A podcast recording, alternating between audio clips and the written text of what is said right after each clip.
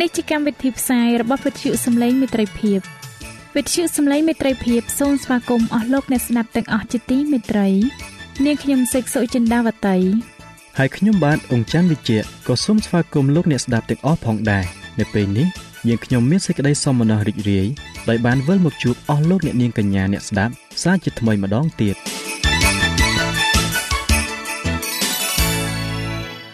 នាងខ្ញុំសេកសុចិន្តាវតី សូមជម្រាបជូនកម្មវិធីផ្សាយដែលមានជាបន្តបន្ទាប់ដូចតទៅនេតិបទទំនាយនិងប្រវត្តិសាស្ត្រនេតិស្ពានជីវិត ចា៎លោកអ្នកស្ដាប់ជាទីមេត្រី នាងខ្ញុំសូមគោរពអញ្ជើញអស់លោកលោកស្រី អ្នកនាងកញ្ញាតាមដានស្ដាប់កម្មវិធីផ្សាយរបស់វិទ្យុយើងខ្ញុំដូចតទៅ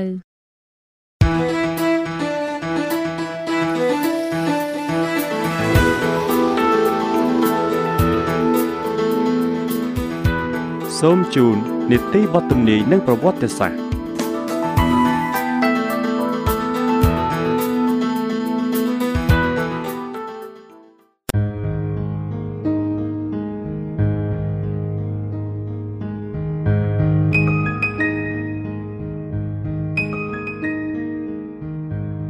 បាទអស់លោកអ្នកស្ដាប់ជាទីមេត្រីខ្ញុំបាទសូមជម្រាបសួរដល់អស់លោកអ្នកនាងទាំងអស់គ្នា សូមឲ្យលោកអ្នកបានប្រកបដោយព្រះពររបស់ព្រះតារយៈមេរៀននៅថ្ងៃនេះបាទហើយនៅថ្ងៃនេះខ្ញុំបាទសូមលើកយកចម្ពោះថ្មីមួយទៀតដែលមានចំណងជើងថាការបោកបញ្ឆោតដំបងដ៏ធំបំផុតរបស់សាតាំងតើសាតាំងមានគម្រោងបោកប្រាស់លោកអ្នកដោយរបៀបណាហើយតើលោកអ្នកមានវិធីយ៉ាងណាដើម្បីទប់ទល់ឬដើម្បីគេចរួចពីការបោកប្រាស់ដ៏ធំរបស់សាតាំងនេះបាទដូច្នេះសូមលោកអ្នកតាមដានស្ដាប់ចម្ពោះទី33ភាគទី1ដូចតទៅ សាតាំងដែលបានបំផុសបំផុលឲ្យមានការបះបោរនៅនគរស្ថានសួគ៌ប្រាថ្នាចង់អស់ទាញអស់អ្នកនៅលើផែនដីឲ្យរួបរวมនៅក្នុងសង្គ្រាមជាមួយវា ប្រឆាំងនឹងព្រះ លោកអាដាមនិងនាងអេវ៉ាតែងរីករាយនៅក្នុងការស្ដាប់បង្គាប់ព្រះ ស្ដាប់បង្គាប់ចំពោះក្រឹតវិន័យរបស់ព្រះ ថាជាទីបន្ទាល់ប្រឆាំងនឹងការអះអាង ដែលសតាំងបានលើកឡើងនៅនគរស្ថានសួគ៌ថាក្រឹតវិន័យរបស់ព្រះប្រកបដោយការសង្កត់សង្កិន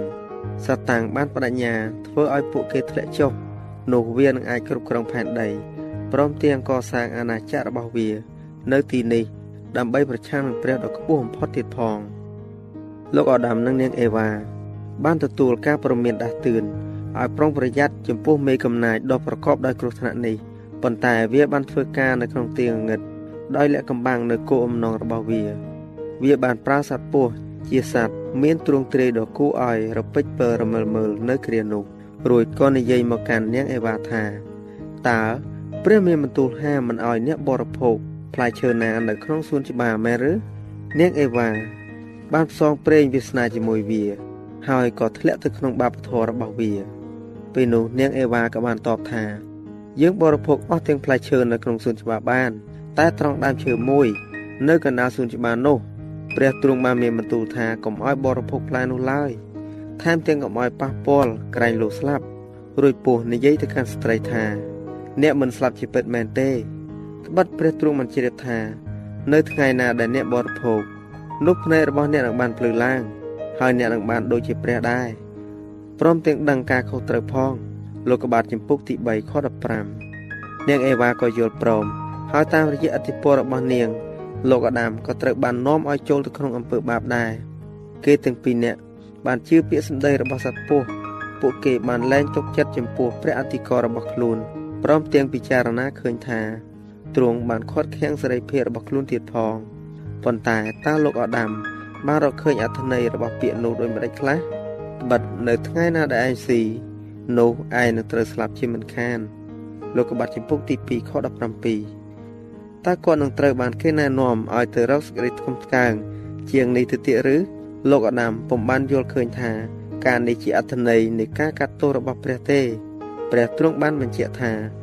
ចំពោះពិន័យសម្រាប់អំពើបាបរបស់គាត់មនុស្សត្រូវតែស្លាប់ទៅជាធូលីដីវិញព្រះអង្គបានមានបន្ទូលថាត្បិតឯងជាធូលីដីក៏ត្រូវត្រឡប់ទៅធូលីដីវិញលោកក្បាត់ចំពុកទី3ខ19សម្ដីរបស់សាតាំងដែលថា ភ្នែកអ្នកនឹងបានភ្លឺឡើងនោះឃើញថាត្រូវចំពោះសេចក្តីនោះមែនភ្នែកគេបានភ្លឺឡើងយល់ដឹងនៅបាបធម៌របស់ខ្លួន ពួកគេបានស្គាល់អំពើអាក្រក់ហើយនឹងភ្លក់ផលផ្លែដ៏ល្វីងជូរចត់នៃការបំពេញដើមឈើជីវិតមានអំណាចបន្តជីវិតរស់នៅដ៏អស់កលបើលោកអាដាមពុំបានធ្វើបាបទេ លោកអាចចូលទៅឯដើមឈើនោះ ទៅនៅពេលណាក៏បាន ហើយចេះតែមានជីវិតរស់នៅជារៀងរហូត ប៉ុន្តែនៅពេលដែលគាត់បានធ្វើបាបគាត់ក៏ត្រូវបានកាត់ចេញអំពីដើមជីវិត ហើយត្រូវស្ថិតនៅក្រោមម្លប់នៃសេចក្តីស្លាប់ភាពអមតៈត្រូវបានបាត់បង់ដោយសារតែការប្រព្រឹត្តរំលងអព្រះទ្រង់ពុំបាននាំអមតៈភាពមកដល់ដៃគេ ដោយសារតែយ៉ាញ់បូជានៃព្រះបុត្រារបស់ព្រះអង្គទេនោះប្រកាសជានឹងគ្មានសង្ឃឹមសម្រាប់ជាតិសាសន៍ដែលរលំដួលនោះទេសេចក្តីស្លាប់បានឆ្លងរាលដាលដល់មនុស្សគ្រប់គ្នា ត្បិតគ្រប់គ្នាបានធ្វើបាបហើយព្រះគ្រីស្ទបានយកជីវិតនិងសេចក្តីមិនចេះស្លាប់មកដាក់នៅពន្លឺដោយសារដំណឹងល្អវិញ មានតែតាមរយៈព្រះគ្រីស្ទប៉ុណ្ណោះទើបអាចនឹងមានសេចក្តីមិនចេះស្លាប់បាន អ្នកណាដែលជឿដល់ព្រះបុត្រារបស់ព្រះនោះនឹងមានជីវិតដ៏នៅអស់កលជានិច្ចហើយអ្នកណាដែលមិនព្រមជឿដល់ព្រះបុត្រារបស់ព្រះវិញនោះនឹងមិនឃើញជីវិតសោះឡើយរ៉ូមចំពុកទី5ខ12ធីម៉ូថេទី2ចំពុកទី1ខ10 យូហានចំពុកទី3ខ36អ្នកដែលបានសន្យាថានឹងឲ្យជីវិតដោយការមិនស្ដាប់បង្គាប់គឺជាមេបោកប្រាស់នេះហើយជាសេចក្តីបញ្ជាក់របស់សត្វពស់នៅក្នុងសួនច្បារអេដែនសត្វពស់បាននិយាយថាអ្នកនឹងមិនស្លាប់ជាប្រកាសទេ គឺជាបទអធិប្បាយដំបូងបង្អស់សម្រាប់ស្ដីអំពីអមតភាពនៃប្រលឹងសេចក្តីបញ្ជាក់នេះដែលស្ថិតនៅលើអំណាចរបស់សាតាំងត្រូវបានបន្តចេញពីតុកអធិប្បាយហើយក៏បានទទួលជឿដោយមនុស្សជាតិភាគច្រើនដោយងាយ ដោយឪពុកម្ដាយដំបងរបស់យើងដូច្នោះដែរព្រះរាជអង្គការកាត់ទោសដែលថាប្រលឹងណាដែលបានធ្វើបាប គឺប្រលឹងនោះឯងនឹងត្រូវស្លាប់អេសគៀចំពុកទី18ខ20ត្រូវបានធ្វើឲ្យមានន័យថាប្រលឹងណាដែលបានធ្វើបាបប្រលឹងនោះនឹងមិនស្លាប់ទេ គឺរស់នៅជារៀងរហូត បើព្រះអនុញ្ញាតឲ្យមនុស្សមានសិទ្ធិដល់ដើមជីវិត បន្ទាប់ពីធ្វើបាបហើយនោះ បាបនឹងស្ថិតស្ថេរនៅអស់កលជានិច្ចជាមិនខានប៉ុន្តែ ពុំមាននរណាម្នាក់នៅក្នុងគ្រួសារលោកអាដាមត្រូវបានអនុញ្ញាតឲ្យមានចំណែកដល់ផ្លែជីវិតនោះឡើយម្ល៉េះហើយបានជាពុំមានបាបជននៅរស់អស់កលជានិច្ចដែរបន្ទាប់ពីសាតាំងបានធ្វើបាប វាបានបញ្ឆោតពួកទេវតារបស់វាឲ្យបង្ហាត់បង្រៀននៅគោលជំនឿអមតភាពជាធម្មជាតិរបស់មនុស្សបន្ទាប់ពីបានអន្តងឲ្យមនុស្សទទួលសេចក្តីខុសឆ្គងនេះហើយពួកគេបានណែនាំអ្នកមានបាបឲ្យសម្រេចសេចក្តីថា ពួកគេនឹងរស់នៅក្នុងសេចក្តីវេទនាដ៏អស់កលជានិច្ចឥឡូវនេះស្ដេចនៃសេចក្តីងងឹតបានប្រដូចព្រះទៅនឹងអ្នកសងសឹកផ្ដាច់ការដោយថ្លែងថាទ្រង់នឹងបោះបង់អ្នកណាដែលមិនធ្វើតាមវិហារតីចូលទៅក្នុងនរកហើយថាព្រះអធិការរបស់គេសពហរតីណាស់នៅពេលដែលទ្រង់ចុះមកឃើញពួកគេកំពុងតែស្ថិតនៅក្នុងអណ្ដាតភ្លើងដែលកំពុងតែឆេះជានិច្ចនោះគឺរបៀបនេះហើយដែលមហាបិសាចបំពាក់គុណសម្បត្តិរបស់វា ទៅលើព្រះអង្គដែលប្រទានមរតកឲ្យមនុស្សជាតិសេចក្តីខូខើគឺជាសារជាតិរបស់សាតាំងចំណែកឯព្រះទ្រង់ជាសេចក្តីស្រឡាញ់វិញសាតាំងជាស្ត្រូវដែលលបងមនុស្សឲ្យធ្វើបាប ហើយនឹងបំផ្លាញគេចោលតែម្ដងបើអាចធ្វើទៅបានគោលលទ្ធិដែលថាអាក្រក់ដែលបានស្លាប់នឹងត្រូវរងទុក្ខនៅក្នុងភ្លើងនរកដែលឆេះអស់កលជានិច្ចហើយដែលថាអំពើបាបនៃជីវិតដ៏ខ្លីនៅផែនដីត្រូវរងទណ្ឌកម្មជារៀងរហូតឲ្យតែព្រះនៅមានព្រះជន្មរស់នោះ អ្វីក៏ទៅតឹងនឹងសេចក្តីស្រឡាញ់សេចក្តីមេត្តាករុណានិងសេចក្តីយុត្តិធម៌អ្វីម្លេះនៅក្នុងព្រះគម្ពីរមានសេចក្តីបង្រៀនបែបនេះនៅត្រង់ណាតើអរណរបស់មនុស្សជាតិសាមញ្ញនឹងត្រូវបដូរយកសភាពខុសខើនៃមនុស្សសាហាវយួនខ្នងឬទេពុំមែនជាសេចក្តីបង្រៀននៃព្រះគម្ពីររបស់ព្រះទេព្រះអម្ចាស់យេហូវ៉ាទ្រង់បានស្បត់ថាដូចជាអញបានរស់នៅនោះប្រកាសជាអញមិនរីករាយចំពោះសេចក្តីស្លាប់របស់មនុស្សអាក្រក់ឡើយ គឺចូលចិត្តឲ្យគេលះបង់ផ្លូវរបស់ខ្លួន ហើយមានជីវិតរស់នៅវិញទេតាចូលឲ្យឯងរាល់គ្នាបានបែរមកចូលបែរមកពីផ្លូវអាក្រក់របស់ខ្លួនចុះហេតុអ្វីបានជាចង់ស្លាប់អេសាគៀលចំពុកទី43ខ11តើព្រះអង្គទ្រង់សពហរតីនឹងឃើញទរណកម្មដ៏មិនចេះឈប់ឈរនោះឬតើទ្រង់សពហរតី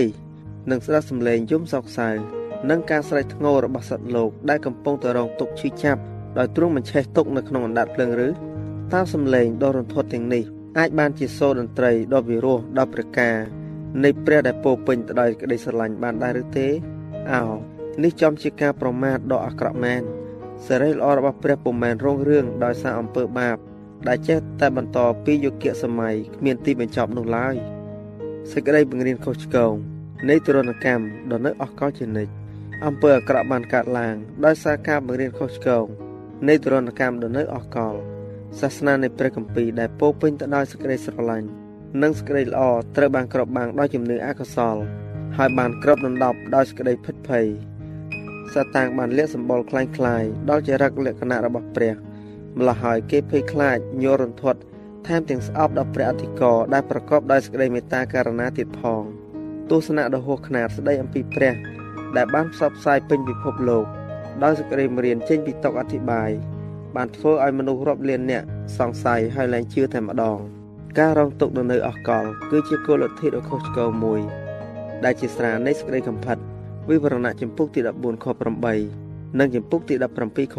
2ដែលទីក្រុងបាប៊ីឡូនឲ្យគ្រប់សាសផឹកគ្រូគង្វាលនៃព្រះគ្រីស្ទបានទទួលសេចក្តីបង្រៀនខុសឆ្គងនេះមកពីរ៉ូមបន្ទាប់ពីបានទទួលថ្ងៃសបាសคล้ายៗមកប្រសិនបើយើងបែរចេញអំពីព្រះបន្ទូលរបស់ព្រះ ហើយទទួលគោលលទ្ធិខុសឆ្គងដោយព្រោះដូនតាទាំងឡាយរបស់យើងបានបង្រៀននោះយើងនឹងទទួលការកាត់ទោសដោយបាប៊ីឡូនដែរគឺយើងកំពុងតែផឹកស្រានៃសេចក្តីកំផិតរបស់បាប៊ីឡូនហើយ មានក្រុមជំនុំដ៏ធំមួយបានងាកទៅរកជំនឿខុសឆ្គងហួសល្បត់មួយទៀតគេបានយល់ឃើញថាបទកម្ពីតំណាងព្រះនៃក្តីស្រឡាញ់និងសេចក្តីមេត្តាករុណា ហើយមិនអាចជឿបានថាទ្រង់នឹងដាក់សត្វលោករបស់ព្រះអង្គនៅក្នុងភ្លើងនរក ដែលឆេះអស់កលជានិច្ចនោះបានឡើយដោយគេប្រកាន់ជំនឿថាព្រលឹងចេះតែរស់នៅជានិច្ចគេក៏សម្រេចថា មនុស្សជាតិទាំងអស់នឹងបានសង្គ្រោះម្ល៉េះហើយមនុស្សមានបាបអាចរស់នៅក្នុងសេចក្តីត្រេកត្រអាលទោះបើមិនអើពើចំពោះសេចក្តីតម្រូវរបស់ព្រះក៏ទ្រង់នៅតែសពហរតីទទួលដែរគោលលទ្ធិបែបនេះនឹងពឹងផ្អែកទៅលើសេចក្តីមេត្តាករុណារបស់ព្រះ តែមើលរំលងសេចក្តីយុត្តិធម៌របស់ទ្រង់វិញ គឺជាលទ្ធផលដែលបំពេញចិត្តស្រាប់ស្រាលទេ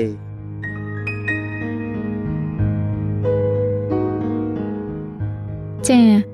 ដោយពេលវេលាមានកំណត់យើងខ្ញុំសូមអនុទីបទទំនាយនិងប្រវត្តិសាស្ត្រត្រឹមតែប៉ុណ្ណឹងសិនចុះដោយសន្យាថានឹងលើកយកនីតិនេះមកជម្រាបជូនជាបន្តទៀតនៅថ្ងៃអង្គារសប្តាហ៍ក្រោយ សូមអរគុណ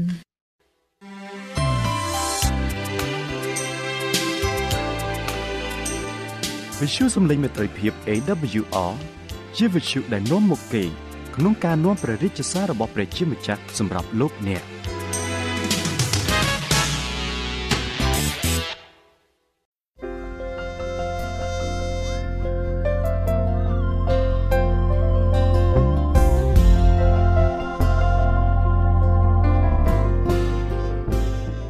បាទសូមជម្រាបសួរអស់លោកអ្នកស្ដាប់ជាទីមេត្រី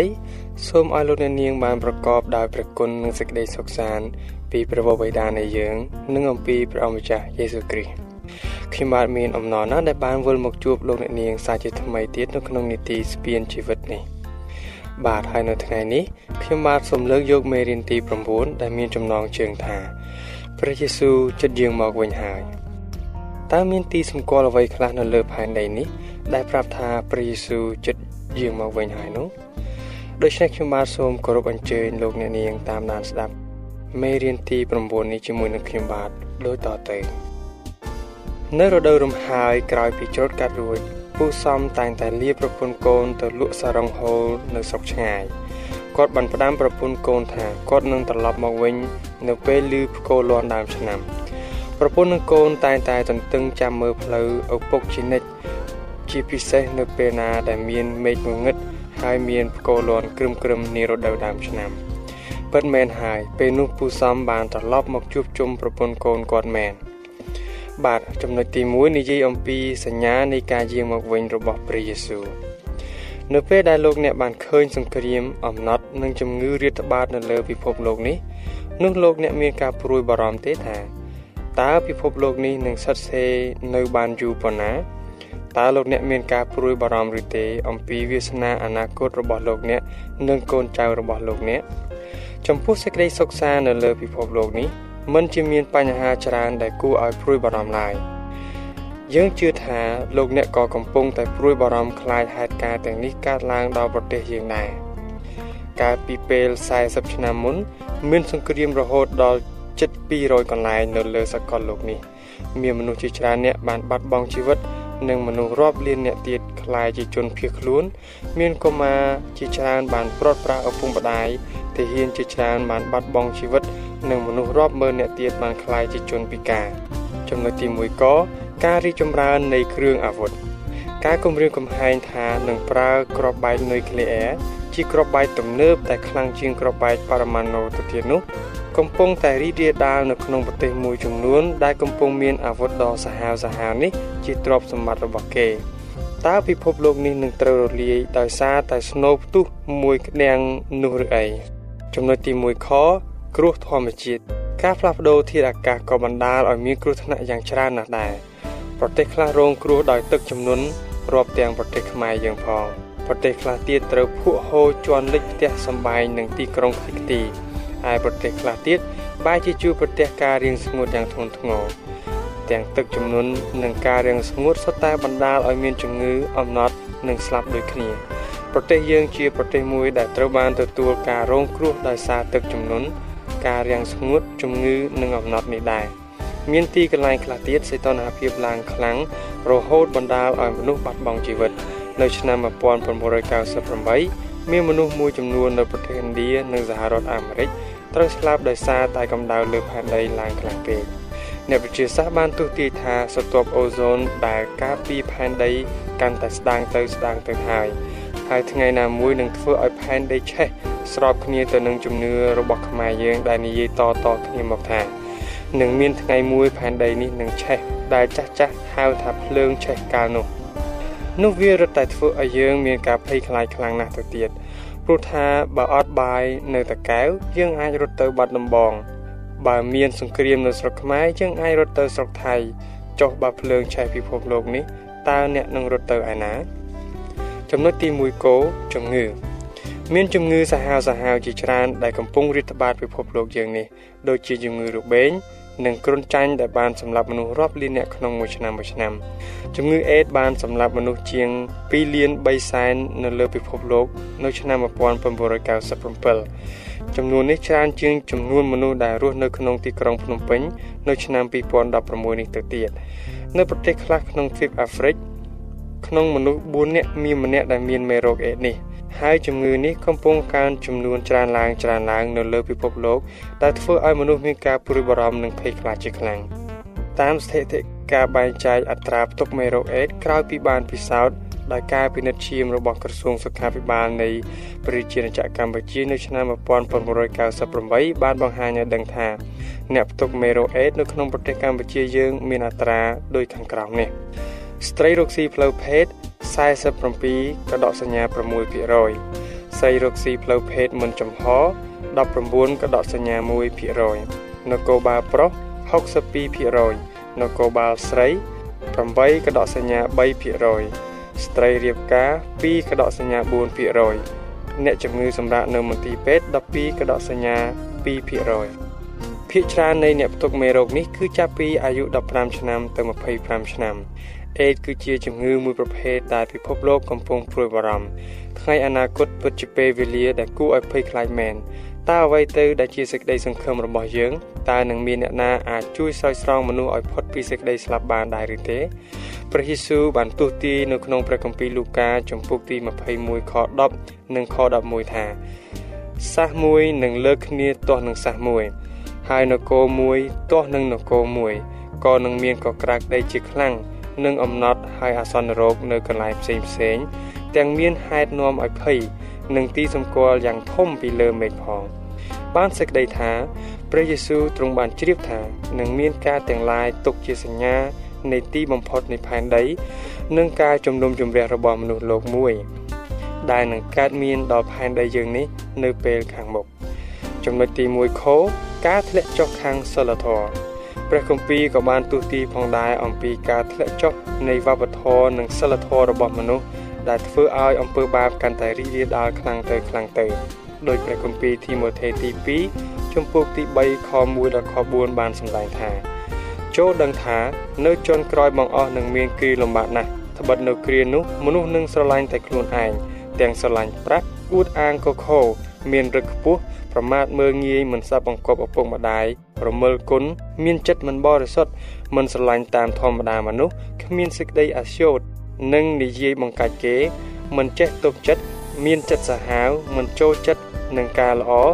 ក្បត់គេឥតបាគិត មានចិត្តធំហើយចូលចិត្តនឹងលបាយលេងជាជាងព្រះព្រះគម្ពីរម៉ាថាយជំពូកទី24ខ12និងខ13បានចែងថារួចដោយព្រោះការទៅតឹងច្បាប់និងចម្រើនជាច្រើនឡើង បានជាសេចក្តីស្រឡាញ់របស់មនុស្សជាច្រើននឹងរសាយអស់ទៅ តែអ្នកណាដែលកាន់ខ្ជាប់ដល់រាបដល់ចុងបំផុតវិញ អ្នកនោះនឹងបានសង្គ្រោះតើលោកអ្នកបានឃើញថាការដែលព្រះគម្ពីរបានទស្សទាយជាង2000ឆ្នាំកន្លងមកហើយនោះកើតឡើងហើយឬនៅយើងធ្លាប់ឮអ៊ំចាស់ចាស់ជាច្រើន បានរអ៊ូទ្រទាំពីកូនមិនស្ដាប់បង្គាប់ឪពុកម្ដាយ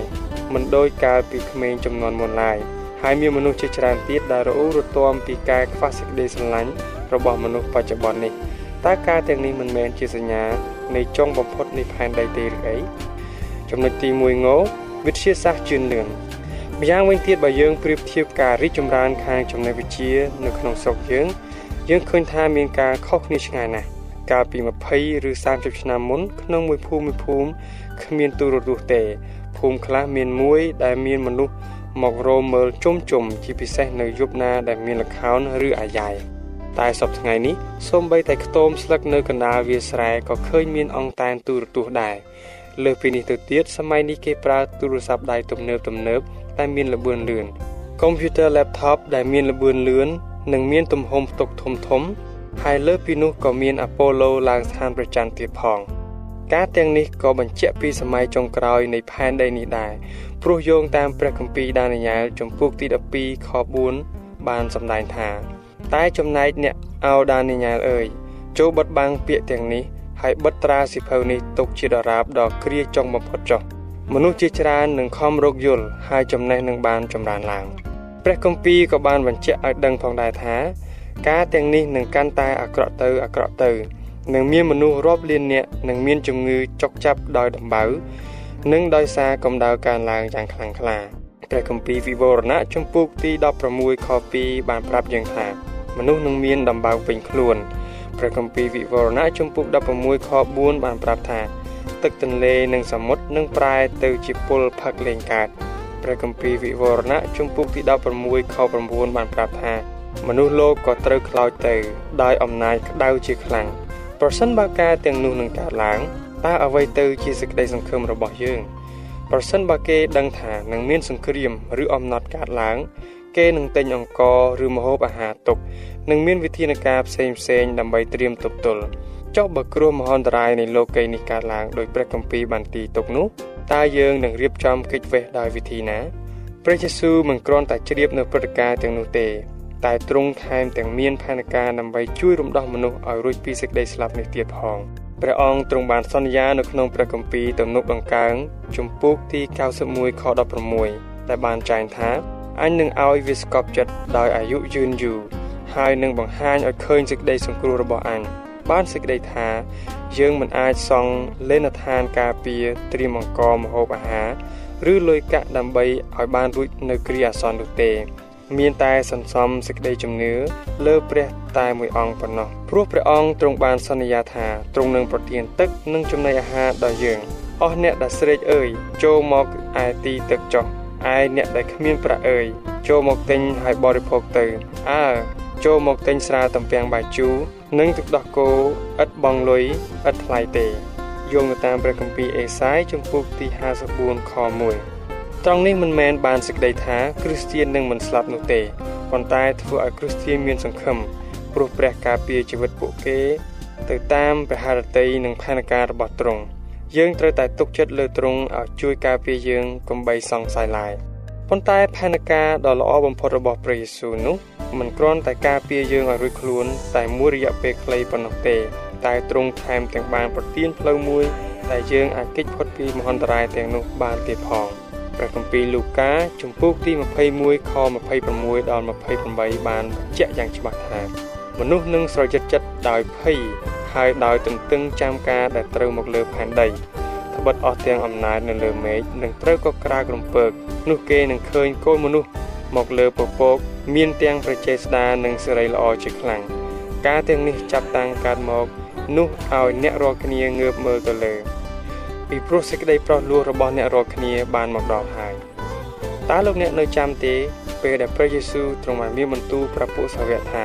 ទ្រង់យាងឡើងទៅស្ថានសួគ៌ដើម្បីរៀបកន្លែងឲ្យពួកគេ ហើយទ្រង់នឹងយាងត្រឡប់មកវិញ ហើយយកពួកគេទៅស្ថានសួគ៌ជាមួយនឹងទ្រង់ដែរព្រះគម្ពីរយ៉ូហានជំពូកទី14ខ1ដល់ខ4បានចែងថាកុំឲ្យអ្នករាល់គ្នាថប់បារម្ភឡើយអ្នករាល់គ្នាជឿដល់ព្រះហើយចូលជឿដល់ខ្ញុំដែរនៅក្នុងដំណាក់នៃព្រះវរបិតាខ្ញុំ មានទីលំនៅជាច្រើនពុំនោះខ្ញុំបានប្រាប់អ្នករាល់គ្នាហើយ ខ្ញុំទៅរៀបកន្លែងឲ្យអ្នករាល់គ្នា បើខ្ញុំទៅរៀបកន្លែងឲ្យអ្នករាល់គ្នានោះខ្ញុំនឹងត្រឡប់មកវិញនឹងទទួលអ្នករាល់គ្នាទៅឲ្យខ្ញុំ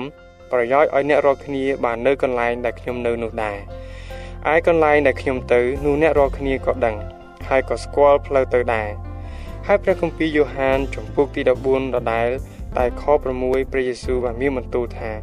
ខ្ញុំជាផ្លូវជាសេចក្តីពិតហើយជាជីវិត បើមិនមកតាមខ្ញុំនោះគ្មានអ្នកណាទៅឯព្រះវរបិតាបានឡើយបាទពិតណាស់ថាទ្រង់នឹងយាងមកយកអស់អ្នកដែលទ្រង់ស្រឡាញ់ចេញពីលោកីដែលត្រូវភ្លើងឆេះនេះពួកអ្នកជឿបានរងចាំព្រឹត្តិការណ៍នេះជាង2000ឆ្នាំមកហើយឥឡូវនេះសញ្ញាទាំងឡាយដែលបញ្ជាក់ថាព្រះយេស៊ូវយាងមកយកមនុស្សសុចរិតទៅស្ថានសួគ៌នោះបានមកដល់ហើយ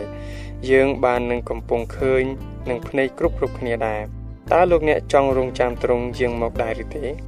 បាទអរលោកអ្នកស្ដាប់ជាទីមេត្រី ពេលវេលានៃនីតិស្ពានជីវិតរបស់យើង បានមកដល់ទីបញ្ចប់ហើយខ្ញុំបាទនឹងវិលមកជួបលោកអ្នកនាងសាជាថ្មីម្ដងទៀតនៅក្នុងនីតិរបស់យើងលើកក្រោយហើយនឹងនាំយកនៅភាគទី2នៃមេរៀនដដែលនេះមកជូនអ្នកនាងស្ដាប់ជាបន្តទៀតបាទដូច្នេះសូមឲ្យព្រះជាម្ចាស់ប្រទានពរដល់អស់អ្នកបងប្អូនទាំងអស់គ្នា សម្រាប់ពេលនេះខ្ញុំបាទសូមអរគុណនិងសូមជម្រាបលា